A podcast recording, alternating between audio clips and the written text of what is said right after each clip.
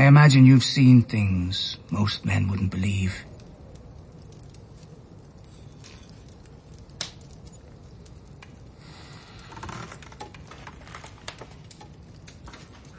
To go through all of that and make your way home again only to find such chaos in the world.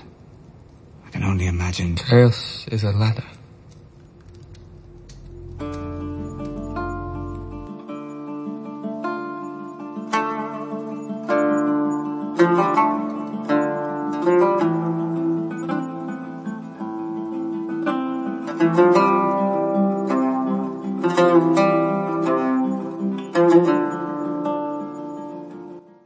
السلام عليكم.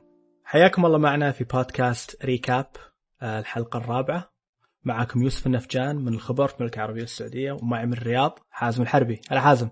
مرحبا يوسف أهلا وسهلا. ومعانا من أمريكا آه، ضيف الحلقة موسى الماجد. هلا موسى. أنا يوسف أخيرا. من أول حلقة سجلناها في البودكاست جيتني تقول لي يوسف لازم من قبل التسجيل يا عمي. شفت أنا حط الصورة قلت خلاص لازم طالبات تبدأ.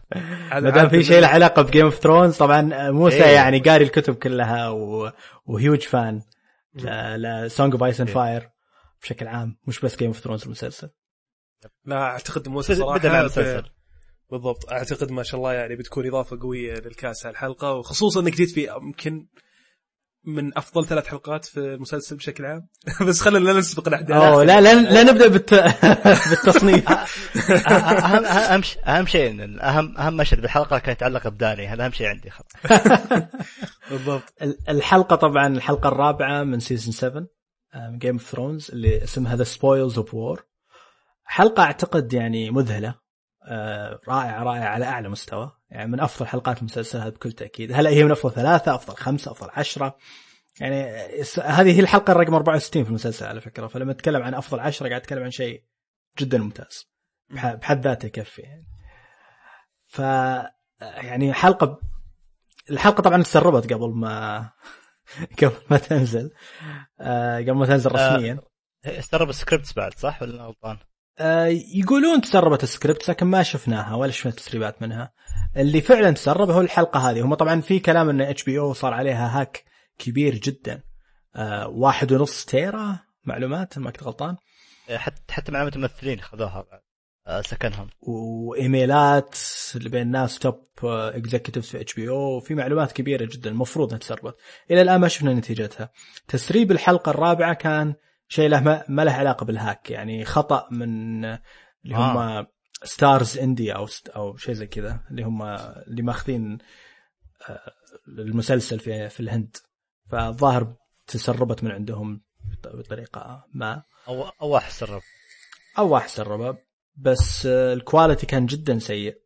آه، في ناس يعني قالوا لي إنهم نزلوا الحلقة وحاولوا يشوفونها وكان ال quality يعني جدا جدا جدا سيء. يعني اسوء من 360 p في يوتيوب.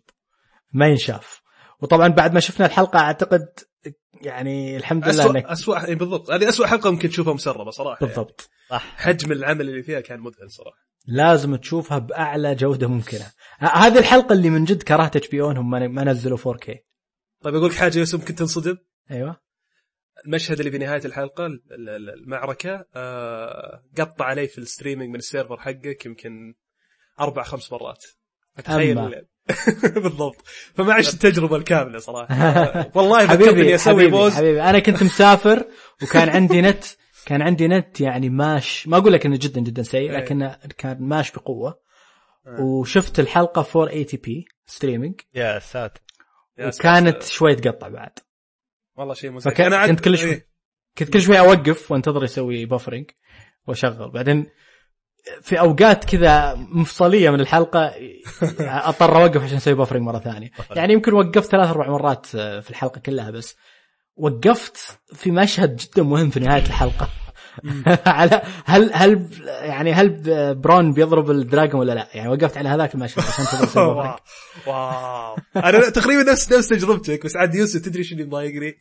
يوم خلصت الحلقة كذا قلت يا أخي وش أحس فيها أنا؟ يا أخي ليش ما رحت نزلت الحلقة وشفتها فعليا offline عرفت علي؟ كان شفتها في الجودة الكاملة. عدتها عموما بعد كذا وكان كنت تشوفها؟ اي أي جودة كنت قاعد تشوفها؟ أنا بشكل عام ال streaming حقي آه، 720 أو 1080 أحيانا يعني عرفت؟ على حسب الاتصال. أنت تعرف اتصالي DSL ولك عليه. الله يعينك. التقطيع كان من مشكلته من عندي ولا من عندك؟ آه، من عندي غالبا بس آه، حتى يعني سيرفر الجلال نفس المشكلة كانت. بس in general س- آه، أتمنى ما تصير لي هالمشكلة مستقبلا. السيرفر حقي جاء عليه ضغط مع إيه، الحلقة. وق- وقف يوم. لا هو هو وقف شوي السيرفر يعني هذا كان في update أو شيء زي كذا. بس ما ما كان بسبب الحلقة لا. اي لا كمان.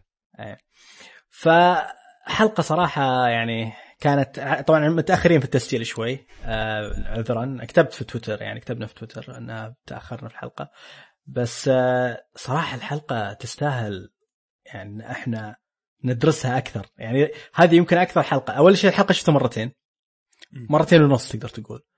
آه وبعدين رحت قريت recaps أكثر من العادة. سمعت بودكاست أكثر من العادة. آه رحت شفت تحليلات و videos الفيديوهات الرسمية حقت HBO على فكرة أنا أشوف 100% ضروري تشوفون الفيديوين حقين HBO اللي هو واحد فيهم ال behind episode فيديو والثاني ال- الفيديو الوثائقي اللي يركز على مشهد القتال في نهاية الحلقة. هذا أي واحد مهتم بالمسلسل لازم يروح يشوفهم اثنينهم. طيب أقول لك حاجة يوسف. من بدأ Game of Thrones إلى يومك أنا من النوع اللي يحب أتفرج على behind the scene وخلف الكواليس.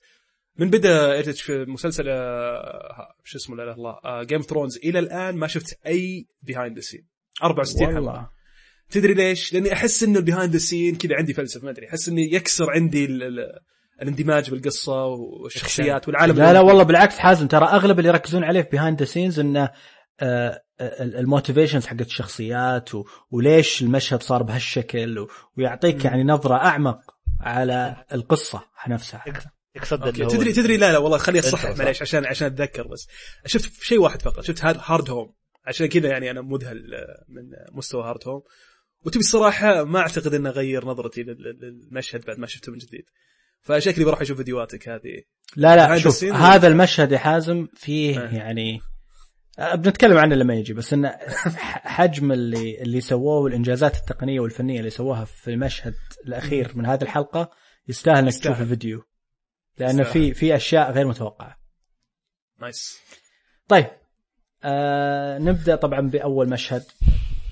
بعد طبعا يبدأ من ما انتهت فيه الحلقة اللي فاتت في Highgarden آه بعد ما ال Lannisters آه مع Tarlys قدروا إنهم آه يستولون على Highgarden طبعا خذوا كل ال- الغنائم غنائم الحرب. هذا طبعا اسم الحلقة Spoils of War فأخذوا غنائم الحرب آه الحلقة بدأت بالذهب الكمية خرافية من الذهب. آه، خذوها طبعا من هاي جاردن طبعا إحنا نعرف إن التارليز أو تايرز آه، أغنياء جدا. جدا. وفوق كذا عندهم مزارع كثيرة. وماسكين جزء نسبة كبيرة من ال... الأكل وال... والمنتجات الزراعية في في ويستروس. فكانوا يتناقشون. طبعا أول شيء آه، جيمي كان طبعا يبي يعطي برون مكافأته على انه شارك في ال... في ال... في الغزو هذا. وبرون كان زعلان يقول انت وعدتني بقلعة. صح. أفضل مكان انك كان ماخذها من سيرسي. بس آه، ما اخذ قلعته إلى الآن أخذت كميه كمية فلوس. قال له طيب ليش ما تعطيني Highgarden قال له طبعا بتكون غبي لو أخذت Highgarden لأن هو طبعا عارف جيمي إن دينيريس جاية. وأول مكان بتجي بت- ممكن بتجي هاي جاردن آه، وما راح يكون محمي كفاية. وبعدين جاء قال له أصلا صيانة ال- القلعة بتكون كبيرة عليك. صيانتها بتكون مكلفة عليك. بعد الحرب اختر أي قلعة تبيها وبنعطيك إياها. وما راح تخاف على أحد. ما راح تخاف من أحد يجيك وياخذها. فجاء سأله قال له أنت تحس إنه يعني وشو؟ إنه بعد ما سيرسي تقضي على كل أعدائها بنعيش في سلام وأمان للأبد يعني؟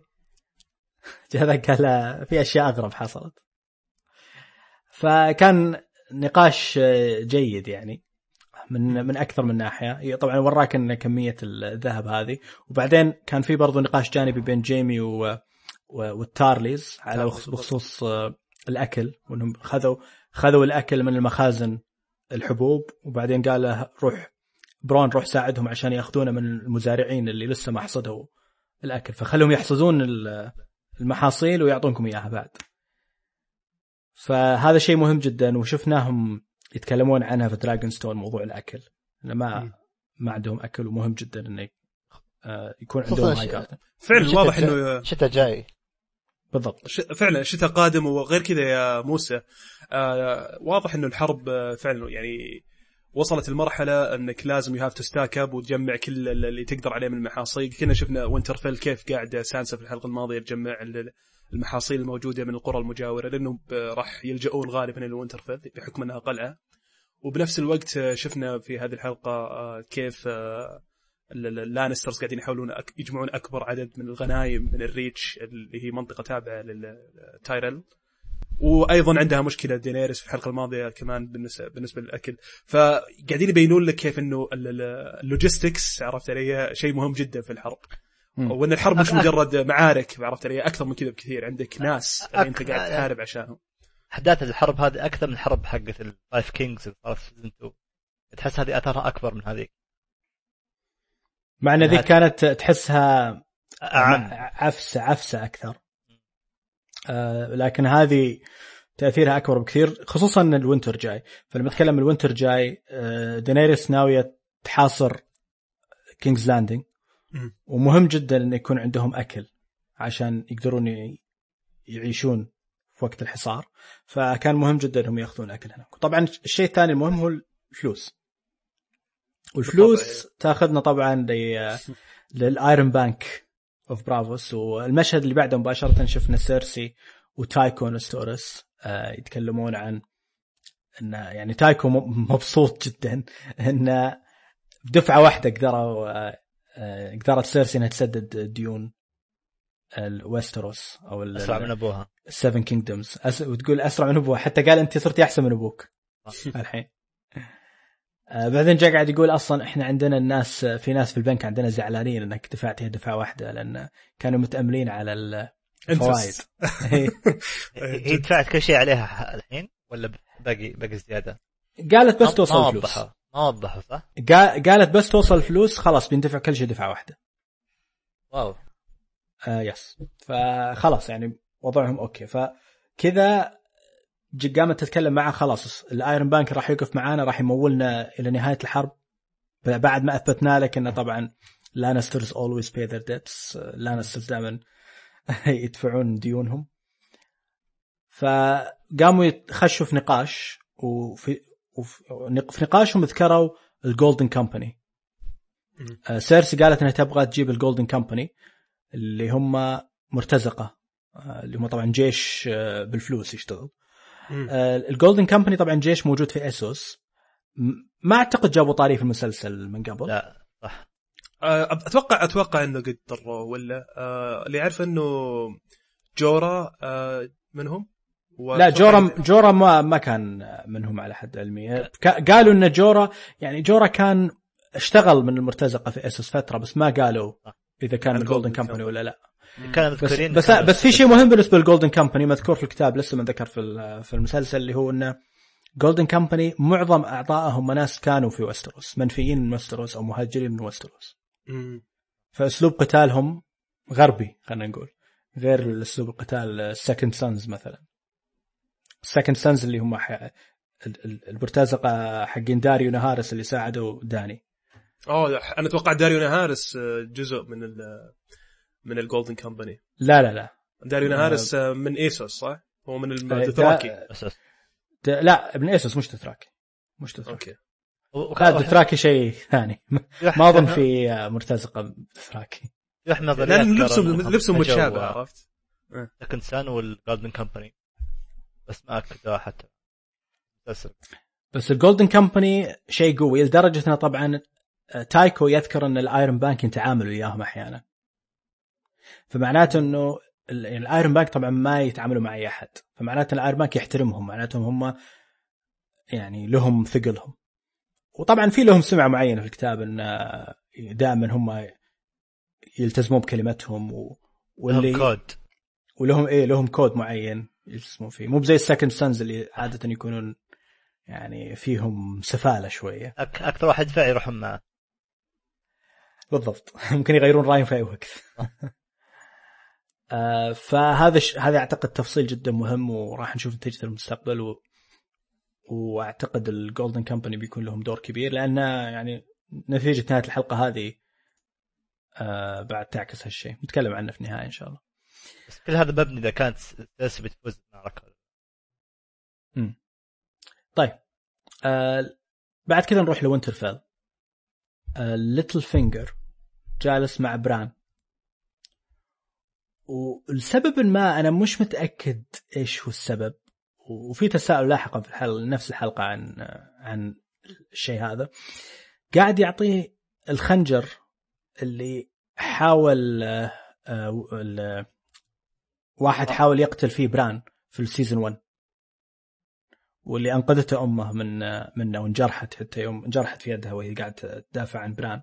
هذا طبعا بعد ما بران طاح من ال tower بعد ما طبعا طيحه جيمي وكان لسه مغمى عليه فافترضوا طبعا إن اللانسترز يبون يقتلون بران عشان بران ما يقول اللي شافه أو ما يقول اللي عارفه آه لكن واضح إنه في قصة أصعب هنا شوي. مش متأكدين 100% ليش لكن آه على زي ما قال ليتل فينجر إن هذا الخنجر هو اللي سبب بداية الحرب ال War of the Five Kings بس بعدين طبعا آه، بران أظهر لليتل فينجر إنه آه، يعرف أكثر من مما يتوقعه ولا مو صح؟ صحيح. اللي هو بران يقدر يناظر. ماضي حتى كل شيء كل أحداثه. يعني تحس إنه طول الوقت هو قاعد يراجع كل شيء شافه آه، بران. عشان كذا تحس إنه ما آه، ضحى بشخصيته هو على أساس يحط الأشياء اللي شافها بمكان مكان نفسه. طبعا لما جاب طاري موضوع الحرب إن الخنجر هذا سبب بداية الحرب فجاء ذكر إن الحرب هذه الخنجر هذا سبب فوضى chaos غير طبيعية. فأول ما ليتل فينجر قال كلمة chaos جاء كذا الكاميرا صار لها zoom على وجه بران. بران كذا يطالع فيها وقال chaos is a ladder طبعا chaos is a ladder كلمة آه قالها ليتل فينجر لفارس في نقاش كان بينهم في season 3 هذا كان مذكور في الكتب يا يوسف ولا لا؟ ما أتذكر أنا الجملة هذه. chaos is a ladder ما أتذكر النقاش هذا تحديدا. أتذكر في في المسلسل كان إيه بس يعني كتب لا. ما أعتقد. ما ما أظن. ما أتذكر. كان season 1 المسلسل. كان season 1 ولا مو 3 3 season 3 كيف؟ season 3 آه كان طبعا كان آه كان كشف لفارس إنه هو يعرف أكثر من اللي يتوقع فارس وإنه آه. آه كان يعني كشف له تقريبا إنه إنه كان عنده آه، جاسوسة آه اللي هي روز آه صح صح. طبعا روز شخصية بس في المسلسل مش موجودة في الكتب. صح. بعدين قتلها جوفري. وطبعا كيف قتلها جوفري؟ قتلها كانت فكرة فينجر إنه يقتلها. بالسهم ولا بالسهم بال... اي بال... بال crossbow قتلها. فالمهم إنه عط عطى speech كذا. بدايته كانت chaos is a ladder chaos إن الفوضى ما هي بحفرة تطيح فيها. الفوضى هي سلم تطلع فيه. توصل فيه الأماكن ما كنت أنت ممكن توصل لها في الأوقات العادية. فإن إذا أنت شخص يعني واصل لمكان ومش حاسس إن هذا حدك أو تبي تطلع بسرعة فوق في, في مركزك يعني في المجتمع أو في في المملكة أو أي شيء لازم تدور فوضى وتثبت نفسك فيها عشان تطلع لفوق. أو تسببها. أو تسببها. بس هو يشوف الفوضى كفرصة باختصار. فلما بران كرر له كلمته اللي قالها لفارس كان نقاش بس بينهم هم الاثنين وجه ليتل فينجر كان يا أخي. على فكرة أقول لك حاجة يوسف. أيوة. يوم جاء الوجه على وجه Littlefinger آه وشفته طول ال frame مرة طول يعني. حسيت إن في شيء هذا المصطلح يعني يرمز لشيء سابق لأني أنا ترى ناسي chaos is a ladder على فكرة. فمتفاجئ كنت. بعد الحلقة رحت بحثت عن الشيء ذا وعرفت وش الربط. ف يا أخي ما أدري حسيت انه بالنسبة للناس اللي نسوا المسلسل أو ما يتابعونه باستمرار أو ما قروا الكتب ممكن هالاقتباس آه، أعتقد يعني طريقة اقتباس نختار اقتباس طريقه طريقه طريقة تصوير المشهد آه توحي لك توحي لك انه في شيء بس لازم توحي لك إن كلمة لها معنى لها معنى قوي. فهذا يكفي عشان مثلا تبحث أو أو تسأل. Game of Thrones بشكل عام ما أعتقد كسروا القاعدة هذه إلا مرة واحدة بس آه، ما فيه flashbacks إيه، ه- أهم شيء عندي صح. في آه، في إيه. مشهد جاي بتكلم عنه إنه ما جابوا فلاش باك خلها بعدين. okay يعني- في شغلة ثانية بعلق عليها شباب بالنسبة لبران. آه أنا ما أدري عن خاصية ال- ال- ال- ال visions اللي يشوفها بس تذكرون أنتم في أحد المواسم آه كان يشوف آه تقاطيع ال visions يعني عرفت اللي كذا زي fast cuts أي. آه وبنفس الوقت في الموسم الماضي شفناه يقدر يدخل بال vision كاملة ودخل Tower of Joy ويمشي بس ما يتكلم طبعا مع الناس الموجودين. فأنا اللي ودي أعرفه هل بران حاليا وصل لمرحلة خلاص يقدر يروح لأي memory بيشوفها ويتطول فيها ولا بس مجرد flash cuts يشوفها ويعرف تفاصيل أحداث معينة بس ما يعرف آه، كل ال- ال- ال- ال- ال- الحديث أو كل الأمور اللي صارت في مشهد معين فهمت علي؟ إيش رأيك موسى؟ أتوقع نوصل المرحله هذه خلاص خصوصا إنه صار صار يذكرك كثير بال 3 eyed raven شفناه موسم خلاص هو. صار 3 eyed raven يعني. قبل قبل كان هو بران. يوم كان بران كان ما يقدر يتحكم بالأشياء اللي يشوفها كان يشوف أشياء كثيرة بس شيء. بالضبط الآن صار يقدر يشوف كل شيء ويتحكم بأشياء كثيرة يعني صار يقدر يتحكم بالماضي مش بس إنه. يتفرج حتى تشوف صار هذا هذا. يعني إيه هذا وجهة نظر يوسف آه، على ما يقولون آه، سلاح دمار شامل بالنسبة للحرب هذه يقدر بالراحة يعرف خطط الخصم يعرف كيف جون سنو ممكن يفوز بالحرب وش. الأشياء اللي لازم يتلافونها عرفت علي؟ نعم. نعم. فيعني من جد يعني أحس إنه ودي أشوف كيف ال tool هذه حقت الفلاش باك أو حقت ذكرى حقت آه، هو- هو كيف السؤال طبعاً-.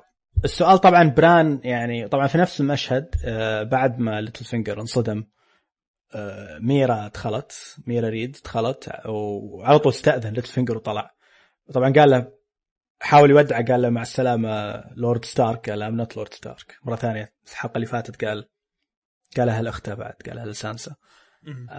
I'm not Lord Stark I'm the three eyed raven طبعا ما قال I'm three eyed raven ل Littlefinger فهو يعني ميرا نقاشه مع ميرا برضو يبين لك شيء. ميرا آه، تبي تودعه. ومرة يعني ميرا واضح إنها يعني بالنسبة لها الوداع هذا آه، عاطفي جدا. وهو قال لها okay مصر تحتاجك يعني. كرشها يا رجال مو ما صرت تحتاج حتى آه، قال. قال لها I don't need you anymore أو شيء زي كذا. فجا قالت له شلون؟ آه، أنا أخوي مات عشانك.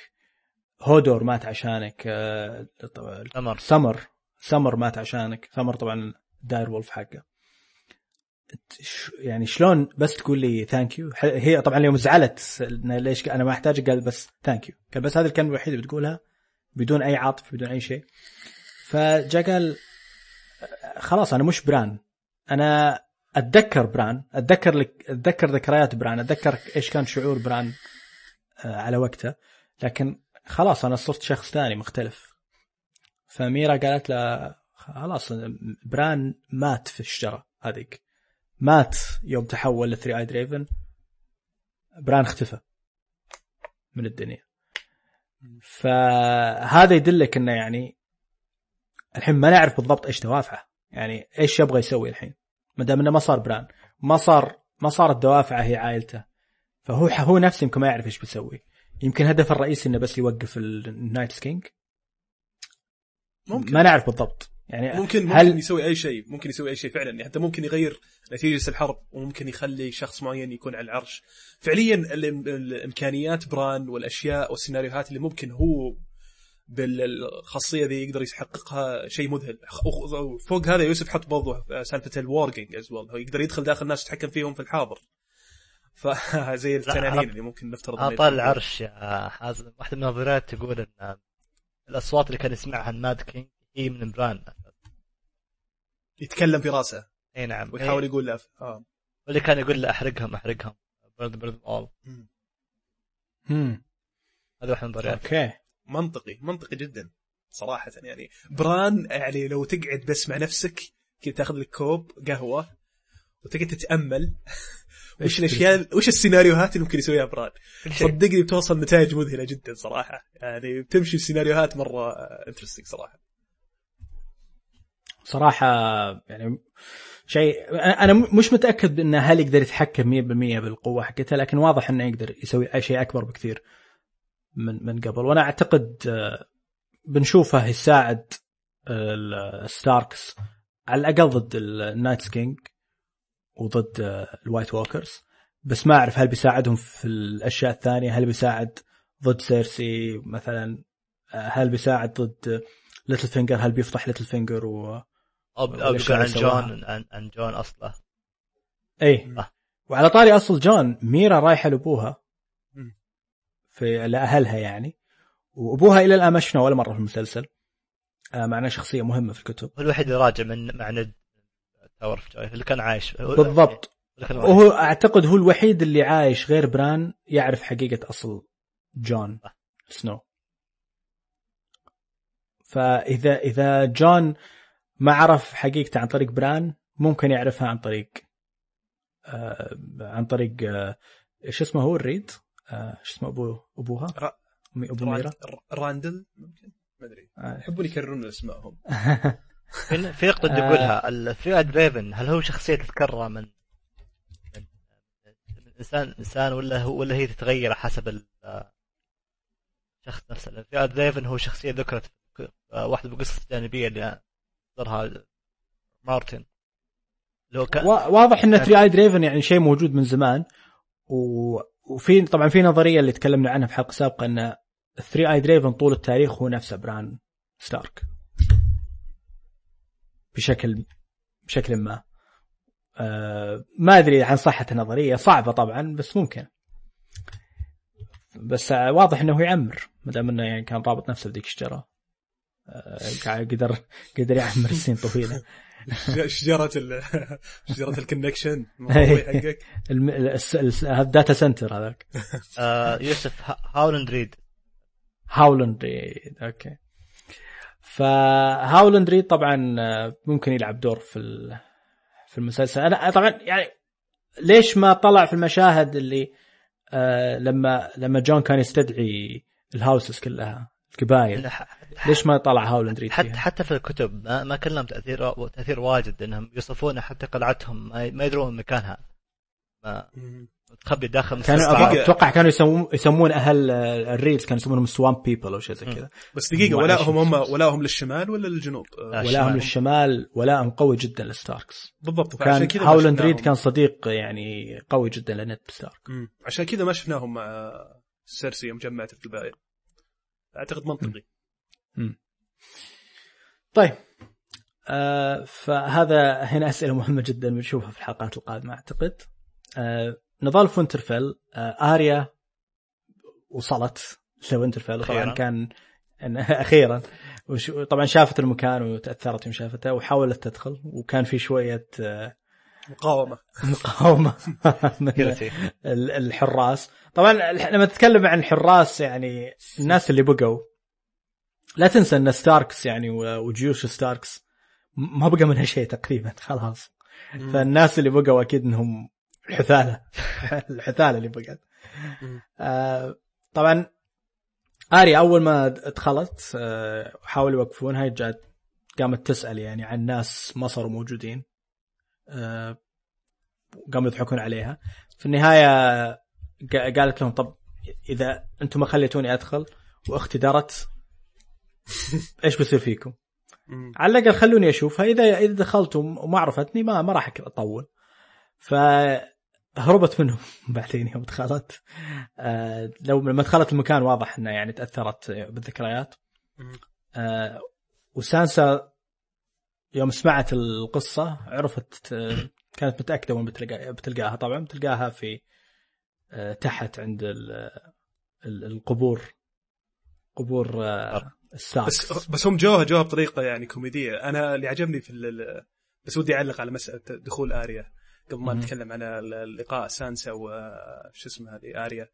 ال- ال- اللي عجبني بطريقتها إن يبين لك كيف نضوج شخصية آريا فين كيف صارت متحايلة صارت خبيثة. تعرف تتلاعب بالناس تعرف انها تاخذ وش تبي بطريقة آه، رهيبة و آه، وفيها خبث كبير جدا.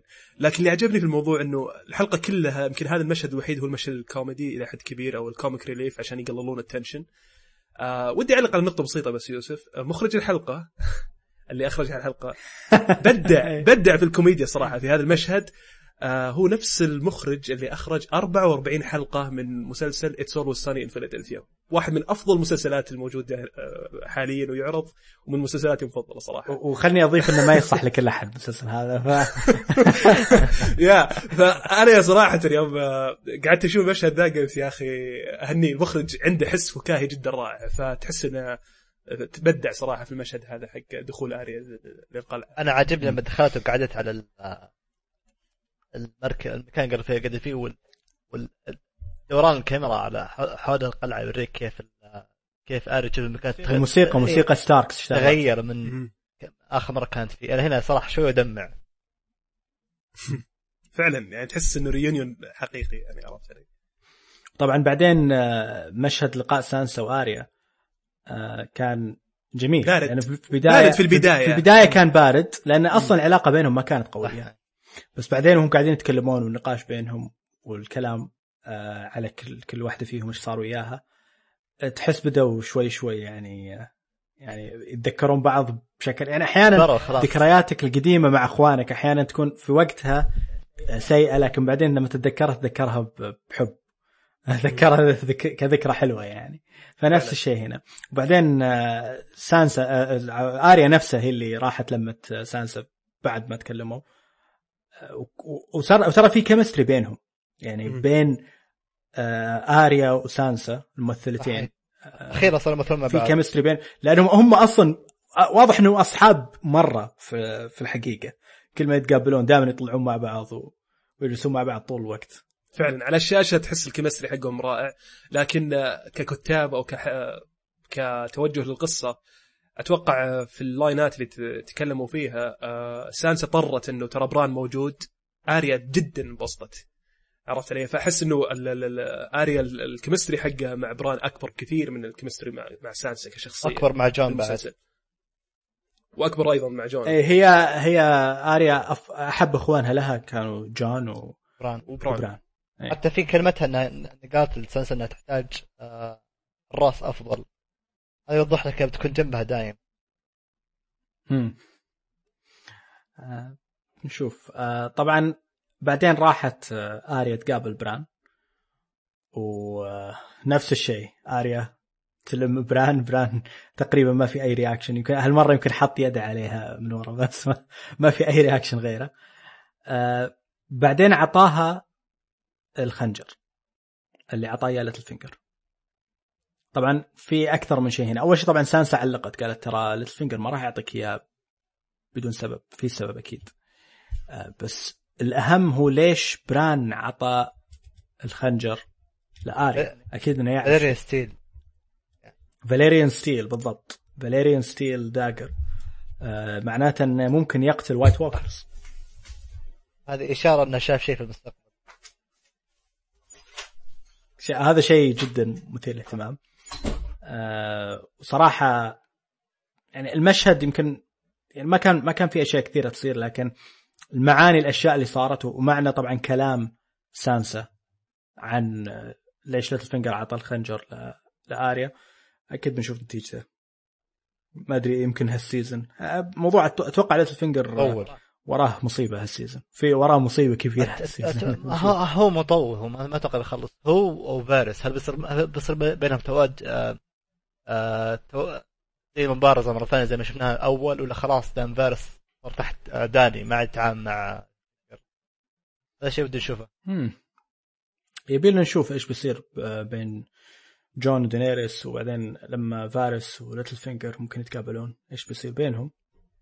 طبعا على الطاري نروح لدراجون ستون و دينيريس طبعا آه، تنزل مع آه، ميساندي وتتكلم عن إيش صار بينها وبين جري وورم وبس بدأت تلمح لها جاء جون طبعا يقول لها يقول لدينيريس تعالي أبي أوريك إيش لقينا. طبعا وداها لل للمنجم حق الدراجون جلاس آه كهف المكان شكله خرافي الزبدة. الشاطئ. الشاطئ هذا اللي آه، صو... مصورين فيه المكان اللي فيه الكهف اللي قالوا. وين؟ يا يوسف؟ في إسبانيا. ال- القلعة وال آه، والشاطئ في إسبانيا. هم مش جنب بعض فعليا الشاطئ والقلعة لكنهم تقريبا نفس مكان أتوقع قريب من اشبيليا القلعة بناها ولا CG؟ لا موجودة بس حسنوها ب CG. ضافوا عليها CG. بس القلعة نفسها موجودة. يعني حتى في في أول كم حلقة وحتى في هذه الحلقة تشوفهم يصورون مشاهد لقطات طويلة وهم يمشون في أماكن كثيرة من القلعة. مستحيل تكون CG مشاهد حقيقية. يبون يثبتون لك ان هذا مش CG آه، ف جميل جميل جدا. فطبعا أعتقد يوسف معليش إنه ممكن نتفق يمكن هذا أفضل location اختاروه في إسبانيا. دورن. طبعا تكلم عن دورن. كارثة دورن القلعة نفسها ممتازة بس إن المشكلة اللي فهمتها انه كان عندهم access محدود لها. بالتصوير فعلا آه، في التصوير لأن المكان ما قفلوا المكان خلوه مفتوح للسياح فأعطوهم أوقات محدودة عشان يصورون فيه. وكان في مشكلة في وقت التصوير والشمس ومدري إيش وأشياء كثيرة. في التصوير دون بالحديث عن الأماكن يوسف آه، ودي أعلق على نقطة مهمة. يا أخي ترى كثير من الدول ينظرون للموضوع توفير ال locations لل big budget productions شيء مهم جدا. بحيث إنه يعطي نوع من زي ما تقول دافع للناس إنها تزور. زي مثلا شفنا في أستراليا في نيوزيلندا آسف هوبيتون كيف بنيت كاملة عشان Lord of the Rings Star Wars على سبيل المثال ترى صور كل الصحراء حقتها في المغرب والملك المغرب وقتها هو المغرب زي ما رحب بهم أتوقع المغرب إذا ما خاب ظني. بس الزبده إنه في الصحراء الكبرى أتوقع في حول حول منطقة آه، في إفريقيا. ف يا أخي أنا مستغرب ليش الاسبان الاسبان يعني يحتاجون عندهم حضارة جدا عريقة وكبيرة وهذا big production وترى دورن ما شفناه إلا ب season ثالث لا وطبعا دورن آه، صوروا غريبة غريبة ما كنت غلطان صوروا في آه، قصر أندلسي عربي. و... فيعني ما... غريبه ما خصصوا يوم كامل للتصوير أو خلوهم ياخذون راحتهم شوي. لا المفروض أعطوهم إياه أيام لأنه بيزود لهم السياحة. وأسبانيا فيها فيها خليط حضارات فيمديهم يصورون فيها أشياء كثيرة قلاع كثيرة. عندهم قلاع على جميع الستايلات تقريبا موجودة في في أسبانيا. فمستغرب أنا. هالمرة طبعا أعطوهم شيء ممتاز واعتقد خذوا راحتهم فيه. إيه. فدراجون ستون شكلها perfect فطبعا دخلوا الكهف آه وجاء جون قاعد يوري دينيريس آه ال dragon glass. وبعد ما وراه ال dragon glass قام يتكلم عن بيسوون الأسلحة وما اعرف إيش قال لها عندي لك شيء زيادة بوريك اياه ف وداها داخل أكثر في الكهف ولقوا طبعا آه، نقوشات أو رسمات منقوشة شخابيط. على شخابيط. شخابيط. لا هي رسمات منقوشة نقش على الجدران. آه. ومنقوش اللي, اللي يريحك. اللي يريحك يوسف لا في, في على فكرة في الأشكال اللولبية الأشكال اللولبية اللي م... اللي مرسومة في ال... في الشخابيط هذه يا حازم. هي هي نفسها اللي ال White Walkers كانوا يسوونها. هذه آه بالجثث هذه جت على بالي أول شيء. فواضح إن ال White Walkers متأثرين. طبعا اللي سووا الرسمات هذه هم ال Children of the Forest وال Children of the Forest هم اللي يعني ك... اللي جاوا من قبل. طبعا قابلنا واحد فيهم يعني مع بران. آه بس هم اللي صنعوا ال White Walkers أصلا. صنعوا ال White Walkers عشان يحاربون البشر. يعطيك الف عافية. بالضبط. هذه هذه النقطة اللي بوصلها. أوكي؟ أيوه. جون سنو فاهم الموضوع غلط. قاعد يقول Children انه هذول يعني جلسوا مع البشر عشان يحاربون ال White Walker وهي العكس تماما. هي ال Children هم اللي صنعوا ال White Walker عشان يحاربون البشر. لا بس بعدين حاربوهم مع بعض. بس بعدين فعلا كلامه صح. ال First Men وال Children of the Forest اتحدوا عشان يحاربون ال White Walkers زي سلاح انقلب فعلا هذا شيء فلازم احد نجح يساعدهم فيه. اي أها. أوكي. أوكي. أوكي. طبعا أغرب شيء كان إن رسمة ال White Walkers آه، على الجدران حاطين عيونهم زرقاء. هنا أنا ضحكت على الأقل حطوا مشهد يمسح الغبار عنهم شوي يوخرها على طول جاهزة. يعني يمكن يمكن لقوه من قبل مسح الغبار بس لو لو تدقق شوي بتلقى انه مكان العيون حجر كريم أزرق يعني. فمش إنه آه، لون. Dragonstone خلينا نقول literally يعني حرفيا. dragonglass sorry dragonglass أخضر أخضر مو أزرق تشوفه كذا مخوضر شوي شفاف والله عاد. يوسف يوسف أنا شفتها 720 p مدري 480 p فلا تحكم معليش لا لا ج- هو شوف ال dragonglass أنت ما تشوفه واضح في هذه الحلقة لكن لو تتذكر dragonglass من season 2 أعتقد لما لما الخنجر لما لقاه سام آه،. خنجر. دراجون جلاس اللي كان؟ اللي لما كان جون ولا. الفيست اوف ذا فيرست مان Fist of the First Men اي بالضبط. فيست اوف ذا فيرست مان هذا هذا اللي جون فعلا تحس هذا المكان اللي وصل له جون north of the Wall وتعلم فيه أشياء كثيرة عن آه، ال- ال- ال White Walkers وأصلهم. ولقى هناك مجموعة أسلحة dragonglass اللي سام استخدم واحد فيها عشان يقتل White Walker فجون قاعد يقول لداني ترى يعني شفتي هذا دليل على إن في شيء. ال White Walkers مش تأليف إنهم حقيقة. وقالوا خلينا نصير مثل البشر وال وال Children of the Forest نتحد مع بعض ونرمي خلافاتنا آه، جانبا و... ونحارب الشر هذا اللي جاي من الشمال. داني قالت له طبعا آه، المشهد كان على فكرة فيه شوية نبرة عاطفية حتى الموسيقى. يعني واضح إنهم شوية بدأ لا، غير الم- الموسيقى أيضا المكان جابنا في الكهف. في أشياء إيه. كثيرة يا في أشياء كثيرة فعلا كانت ففي خطر إنه يعني جون مع عمته آه، كاك. يسوون عيب آه، فما ما تدري بس إنه عموما قالت له أنا مستعده أحارب عشانك أحارب عشانك مستعده أحارب للشمال. لكن بندني اركع لي واقسم لي الولاء. غير كذا ما في. هذا هذا الشرط اللي ما راح تتنازل عنه. فطبعا قاعد يقول لها أنا ما أقدر. آه، شعبي ما راح يرضى مرة ثانية إنه يكون تحت رحمة ملك أو ملكة من الجنوب خصوصا تركيريان لأنه ماد كينج كانت تجربة جدا سيئة أبوها يعني كانت تجربة جدا سيئة آه، وياهم. والحين بعد ال- الجنوبيين يعني اللانسترز برضو عايشوهم في رعب. ف قال ما راح ما راح يرضون فطبعا اتفقوا على إنه ما بس قطع مشهد قام ما عرف شيء. من دنيا إحنا ما شفنا شيء. المشهد قطع؟ بدون ما ندري وش صار. هل هو قال لها لا ولا وافق؟ احتمال إنه وافق يمكن. إحنا ما ندري. هي قالت له هي قالت له أنت لازم يعني تتخلى عن ال- ال- الكرامة الزايدة هذه أو ال- اللي تخليك ما ما تبي أنت شخصيا. انك آه، آه، بتقسم بولائك لي انت لو قسمت ولائك لي شعبك بيلحقك. ففعلا ما نعرف بالضبط إيش انتهوا عليه لكن شكل انه يعني لا. شكل انه لسه ما اتفقوا. بعد كذا طلعوا و... وقابلوا آه، المستشارين حقينها مساندي وفارس وتيريان. وكان عندهم أخبار على اللي حصل. في في آه، كاستل العراق قالوا أوكي خذنا كاستل العراق لكن وقف المشهد. طبعا إحنا عارفين إيش الشرح. الشرح اللي حصل إنه خذوا Casterly Rock لأن جيش ال Lannisters راح أخذ هاي جاردن.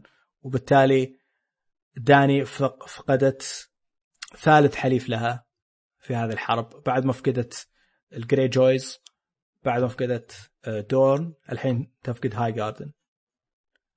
وعصبت خلاص. يعني وصلت وصل حدها آه، الموضوع يعني قالت أنت تيريون أنا سمعت كلامك كثير ومسكت نفسي وحاولت إني ألح يعني أمشي على الخطط اللي أنت قاعد تحطها لكن ولا واحد فيها قاعد آه، يضبط. أنا بروح أهاجم King's Landing مباشرة وبحرق ال Red Keep. فتيريون قاعد يحاول يقنعها قالت أنت واضح إنك قاعد تحاول تحاول تحمي عائلتك. بس بعدين التفتت على جون. وقالت له إيش رأيك؟ علمني. أنا ما بقى لي أحد أحتاج أحد ينصحني نصيحة كويسة. وجون بشكل عام اتفق مع تيريون. صح. وأعتقد آه، يعني كلامه سليم ولا؟ يعني هل أنتم تتفقون إنه لو بس تروح تفكنا وتروح تحرق King's Landing وتنهي الموضوع هذا؟ آه ما راح يصير. فرق بينها وبين بين أبوها. أبوها كان بيسوي نفس الشيء أساسا لما كان لما كان آه، حاصر من اللانستر لما انقلبوا عليه. كان أبوها كان بيحرق المدينة كلها. صح بس إنه ممكن مثلا تقول إنها تروح بس تركز على ال Red Keep آه يعني في أشياء كثيرة ممكن تقولها هنا. هي بتصير فعلا بتصير كأنها Mad Queen يطلع لأن راح رقت الكرسي العرش تقعد عليه. والشعب بيشوف إن أغلب جيشها أجانب خصوصا الدوثراكي بيعتبرونه احتلال. مو مو- بتحرير. امم ف جون طبعا أعطاها وجهة نظر حلوة يعني إن الناس يت- يتوقعون منك المستحيل. إن شافوا إنك أنت جبتي dragons و... ويتوقعون منك إنك تسوين أشياء مستحيلة. ومن الأشياء المستحيلة هذه إنك تسوين تغيرين العالم.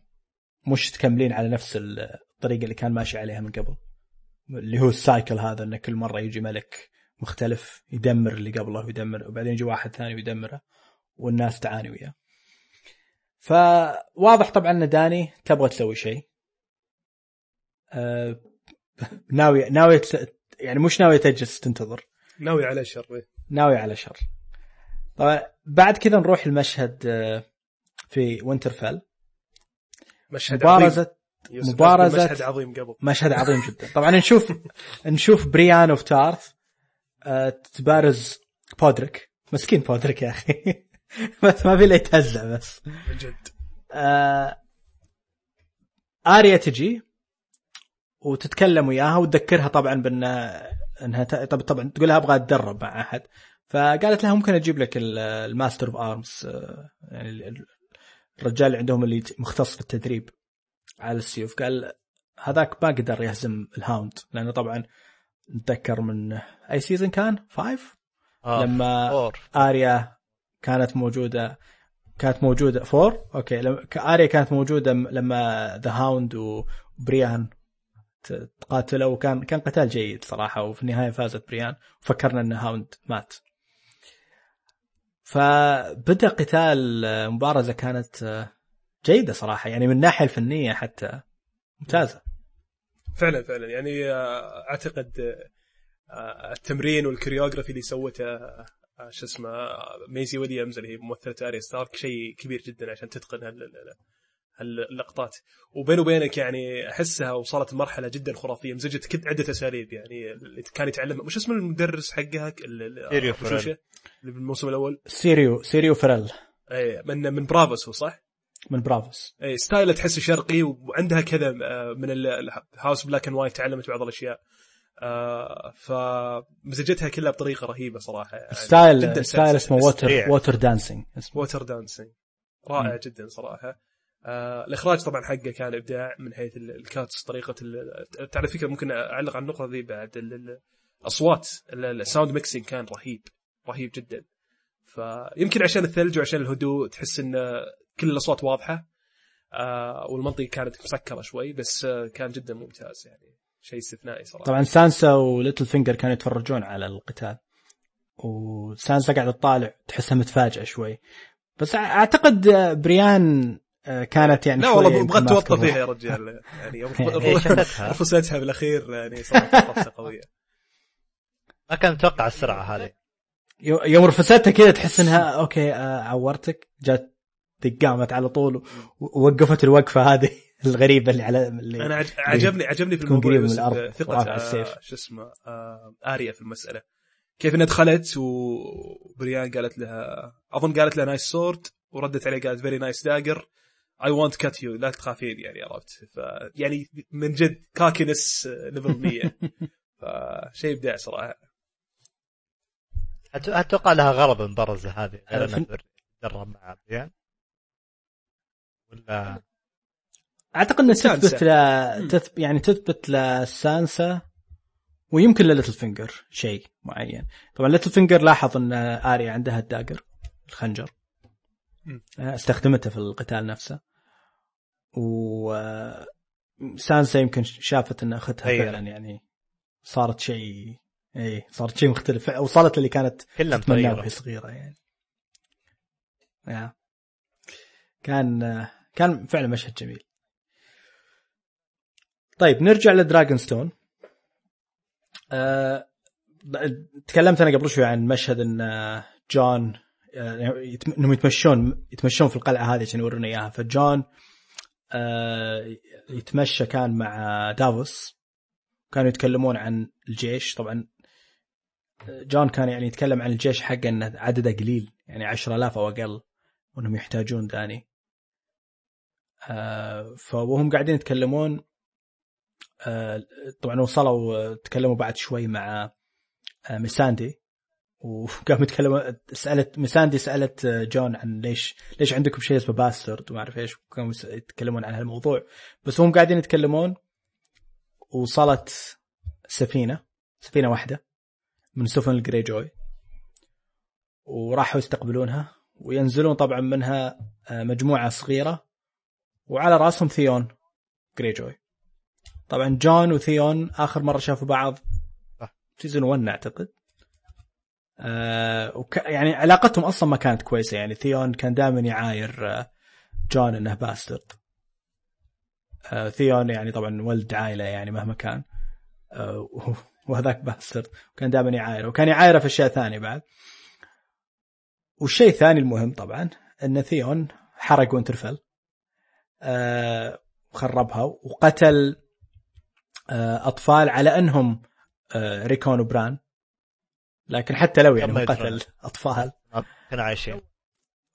وسوى بالضبط. وسوى مشاكل كبيرة. وفي ناس كثير فكروا إنه يعني فعلا آه، ريكون وبران ماتوا على يد ثيون. أعتقد في حتى جون وصل له. خبر بهالشيء يعني. إيه. وغير كذا طبعا يعني سوى أشياء كثيرة يعني. بس بعد كذا يوم صار ريك آه، تقابل مع سانسا وساعدها تهرب. من عند رامزي رامزي سنو أو رامزي بولتون. فعشان كذا أول ما طلع ثيون مسكه جون وقال له أنا يعني كان ممكن أقتلك لولا اللي أنت سويته لسانسا لولا إنك ساعدت سانسا كان ممكن أقتلك. فطبعا كذا قالوا لنا إن ترى سانسا قالت لك كل شيء. بس صراحة الممثل هذا ألفي آلن اللي يمثل. ثيون رهيب. يعني ما ما قال ما قال إلا كلمتين يمكن. آه جون how's Sansa أو شيء زي كذا. بس الأسلوب ووجهه طلع يقول هالكلام هذا شيء خرافي رهيب رهيب. لا حتى يوم قال جون أول ما كذا أول ما شافه أول ما نزل آه I didn't did أو I didn't expect to see you here أو شيء زي كذا. كان قالها باسلوب رهيب. وبعدين يوم مسكه جون وخاف برضه وجهه رجع لوجه ريك آه وهذا شيء بعد رهيب إنه يتحول كذا بحركة في وجهه يتحول من ثيون إلى ريك. هذه يبي له فعلا فعلا شيء مذهل لكن قبل آه، ممتاز. في نقطة ودي أعلق عليها يوسف آه، طريقة إخراج الحلقة. آه، قبل ما ننتقل للمشهد اللي بعده. آه، يا أخي أنا لا زلت مع إني مؤمن في ال- الكلام اللي قلناه في الحلقات الماضية إنه كل مشهد هو في حقبة زمنية أو وقت زمني مو بشرط كل المشاهد في نفس الوقت. ومو بشرط كل المشاهد على التوالي عرفت علي ممكن بعض المشاهد قبل الثانية وإلى آخره. خل هذا الكلام كله على جنب. المخرج أنا ما عجبني فيه الخيار هذا. المشهد السابع اللي قبل شوية اللي كان كانوا جالسين آه، في الشاطئ ودينيريس قفلت معها إنها خسرت آه، كاستل روك أو خسرت جي- جيوشها وكذا وكذا وقررت إنها تتصرف. قطع على طول راح المشهد المبارزة في وينترفيل. بعدها قطع ورجع على مشهد الشاطئ. يعني ما حط مسافة كبيرة عدد مشاهد كثير بحيث انه كأنه آه، جون سنو فعلا طلع من الشاطئ وراح القلعة وجلس فيها فترة وبعدين رجع. كأنه فعليا جون سنو والجماعة اللي معه معاهم دينيريس. كانوا في قبل شوية يمشون عرفت علي بس قطعوا راحوا على وينترفيل شوية ورجعوا لسه لا زالوا على الشاطئ ما طلعوا منه. فهمت علي؟ فحسيت الاختيار غير موفق بانه حط مشهد آه، دينيريس والكهف وإنها تعرف عن المشكلة هذه. متقارب جدا مع المشهد الحالي حق وصول ثيون. لو إنه حط مثلا مشهد دينيريس في بداية الحلقة كان ممكن آه، تكون آه، طيب. خيار أفضل صراحة. أنا أنا ما أنا ما أتفق معك لأنه okay. آه، لو حطيته في بداية الحلقة أنت تتكلم دينيريس تبي تتصرف على طول. دينيريس صار عندها دافع إنها تسحب على كل مو نصائح بداية. أوكي منتصف الحلقة أو على الأقل قبل ثلاث أو أربع مشاهد عرفت؟ مو بس كان. لازم كان لازم يكون بعد. مشهد ال ال ال الكهف. كان لازم. يعني ما ما عندها وقت تروح تتمشى تشوف الكهف هذا. كانت لازم لما تسمع الخبر هذا إنها تتجه على طول تتصرف على طول تعد إي تتجه على طول ما. اختلفنا. مشهد الكهف هو نفسه يوسف المفترض إن حطوه مكان آخر بالحلقة وحطوا كم مشهد آخر. آه يعني مثلا ال Winterfell كان ممكن يجيبون مشهد ال Starks أو مشهد يوم لهم يتقابلون الأطفال عرفت علي؟ في أكثر من طريقة شوف، انك تقدر الم- تصف الحلقة من جديد طلع بطريقه أفضل صراحة. إحنا تكلمنا يعني كثير هذا الشيء مضايقني جدا تكلمنا كثير عن موضوع ال timeline حق الحلقات وأنا أشوف المشاهد اللي تكون في نفس المكان هي ورا بعض لكن ممكن احتمال يكون فيها قفزات زمنية ممكن تكون فترة طويلة وبعدين أحيانا لما يجيب لك مشهد في مكان بعدين يجيب لك يوقف. بعدين يجيك مشهد في مكان ثاني ممكن آه، يكون واحد فيهم بعد الثاني بمده طويلة أو قبله حتى. آه هو الكلام إنه ال timeline حق نفس المكان متتالي احتمال من مشهد لمشهد ما تدري إنه احتمال يكون في فرق أسبوع فرق شهر بينهم ما تدري. ما راح تعرف إلا من ال clues اللي تجيك في نفس ال ال- ال- في نفس المشهد. فعلى ما يبدو لي المشهد هذا كان بعد يمكن حوا... بعد كم يوم أو يمكن بعد أسبوع. تقريبا يعني لو ب... لو لو بقرب. من لما داني عصبت و... وقررت إنها تتصرف. يوم كان في يعني طريقة ثانية. كان في طريقة ثانية كان ممكن يسوونها بطريقة أفضل. إن داني تعصب تعرف ولازم تتصرف كان ممكن يخلونها وهي جالسة على عرشها فوق. مو في في المشهد مو في مشهد ال- ال- ال beach نفسه أو في مشهد الشاطئ. أو مثلا جون سنو يستقبل ثيون فوق في القلعة عرفت؟ بحيث إنه يعطيك كذا break عن ال ال بس كذا كذا بتصير في. cuts كثيرة. المسلسل ما يفضل إنه يسوي cuts كثيرة. يحب إنه يصور مشاهد تكون متتالية أكثر آه عشان يعني عشان الواحد يفهم أكثر. غير إنه أنت عارف لما تكون مشاهد ال cuts أقل آه تقدر إنك تربط الفكرة أكثر في بعض. فلما أنت. تسوي cut يمكن من ناحية درامية ما له معنى. بس عشان to make sure إن ال timeline يكون أوضح آه، بالنسبة لهم يمكن والله الناحية الدرامية تكون أهم من إن ال timeline يكون واضح. فأنا بالنسبة لي في تفسيري إنه بعد ما عصبت ومشت يمكن حوالي أسبوع بعدين جاء ثيون سأل وين ال وين دينيريس؟ قال قالوا له إنها راحت. بعد ما قالوا راحت يمكن مر أسبوع زيادة. وبعدين جابونا على المشهد الأخير. فكذا يمكن في وقت لأن أصلا Dragonstone مش بعيدة كثير عن مكان آه، المشهد هذا اللي هو Blackwater Rush طبعا يبينا نتكلم عن المشهد اللي بعده. ال- ال location ال location كان في نقاش طويل بيننا قبل ما نسجل الحلقة على وين المكان. وينه في في في وستروس آه، طبعا في أشياء كثيرة ممكن تأخذها من الكلام. طبعا آه، رحنا طبعا لل Lannisters وكان آه، جيمي قاعد يتكلم مع برون. وكان راندل تارلي جايهم. وكان بعد آه، ولده ديكون أو بعد- النكتة هذا جزء من المشاهد الكوميدية حق الحلقة. مرة ثانية قال Rickon جاء ذاك قال Dickon وضحك عليه برون ضحكة برون كانت رهيبة. آه، رهيبة جدا. في وجهه. فعلا. آه فلما تكلموا مع بعض آه راندل قال لجيمي إن الذهب وصل. الذهب وصل ل King's Landing okay؟ هذا شيء. الشيء الثاني إنه الجيش نفسه آه صاير فيه تأخير في أجزاء منه فصاير آه متوزع على مسافة طويلة. وهذا الشيء ما كان مطمن راندل. راندل ما كان. مطمن. إيه متبع متبعثر بالضبط. بالضبط متبعثر. are thin يعني خلينا نقول لأن خطوطهم صارت آه قليلة يعني. أقل س- أقل يعني أقل سماكة. بالضبط. وطبعا أي واحد أي واحد في. أي واحد يعرف The Art of War و familiar معه حق Sun Tzu يعني don't stretch yourself wide معروف هذا ال- يعني من ال rules المعروفة جدا. فللأسف الشديد آه، ارتكب غلطة بايخة جدا بانه خلى الجيش آه، يمشي بخط مستقيم أكثر من إنه يمشي ك- كتائب آه،. يعني راندل راندل اقترح على جيمي إنه أي واحد يتأخر يجلده. يجلده. عرفت؟ جيمي قال له يا أخي لا تصير شديد عليهم. هم والله قاتلوا بشجاعة في, Highgarden خلينا نعطيهم تحذير قبل ما نجلدهم. فيمكن طبعا يعني إحنا ما نقدر نقول في نفس اللحظة اللي قالها جيمي تسببت بالمشكلة. لكن خلينا نقول بشكل عام آه، لأن جيمي ما كان شديد على جيشه صارت المشكلة. إن الجيش صار أوله في King's Landing وآخره في مكان مختلف تماما. آه، مر يمر على ال Blackwater Rush وراه حتى يعني حتى ممكن يكون آخره عند آه، منطقة كذا على الجنوب جنوب غرب King's Landing آه، وتعتبر بعيده عنها اللي هي Tumbleton ف آه، كذا أنت تكشف نفسك يصير جيشك متوزع توزيع يعني غير معقول. طبعا في هنا شيء ثاني بعد لازم نذكره أن هم قاعدين يمشون مع مؤونه كبيرة. مش بس ال- الذهب اللي يقدروا يوصلونه قاعدين يمشون مع كمية أكل كبيرة يبون ينقلونها ل King's Landing صعب إنك تمشي بالمؤونة هذه بشكل آه Yeah. يعني يبي لك يبي لك تمشي ما تقدر تمشيهم كلهم جنب بعض لأن الطريق ما له يعني عرضها أكيد إنه محدود.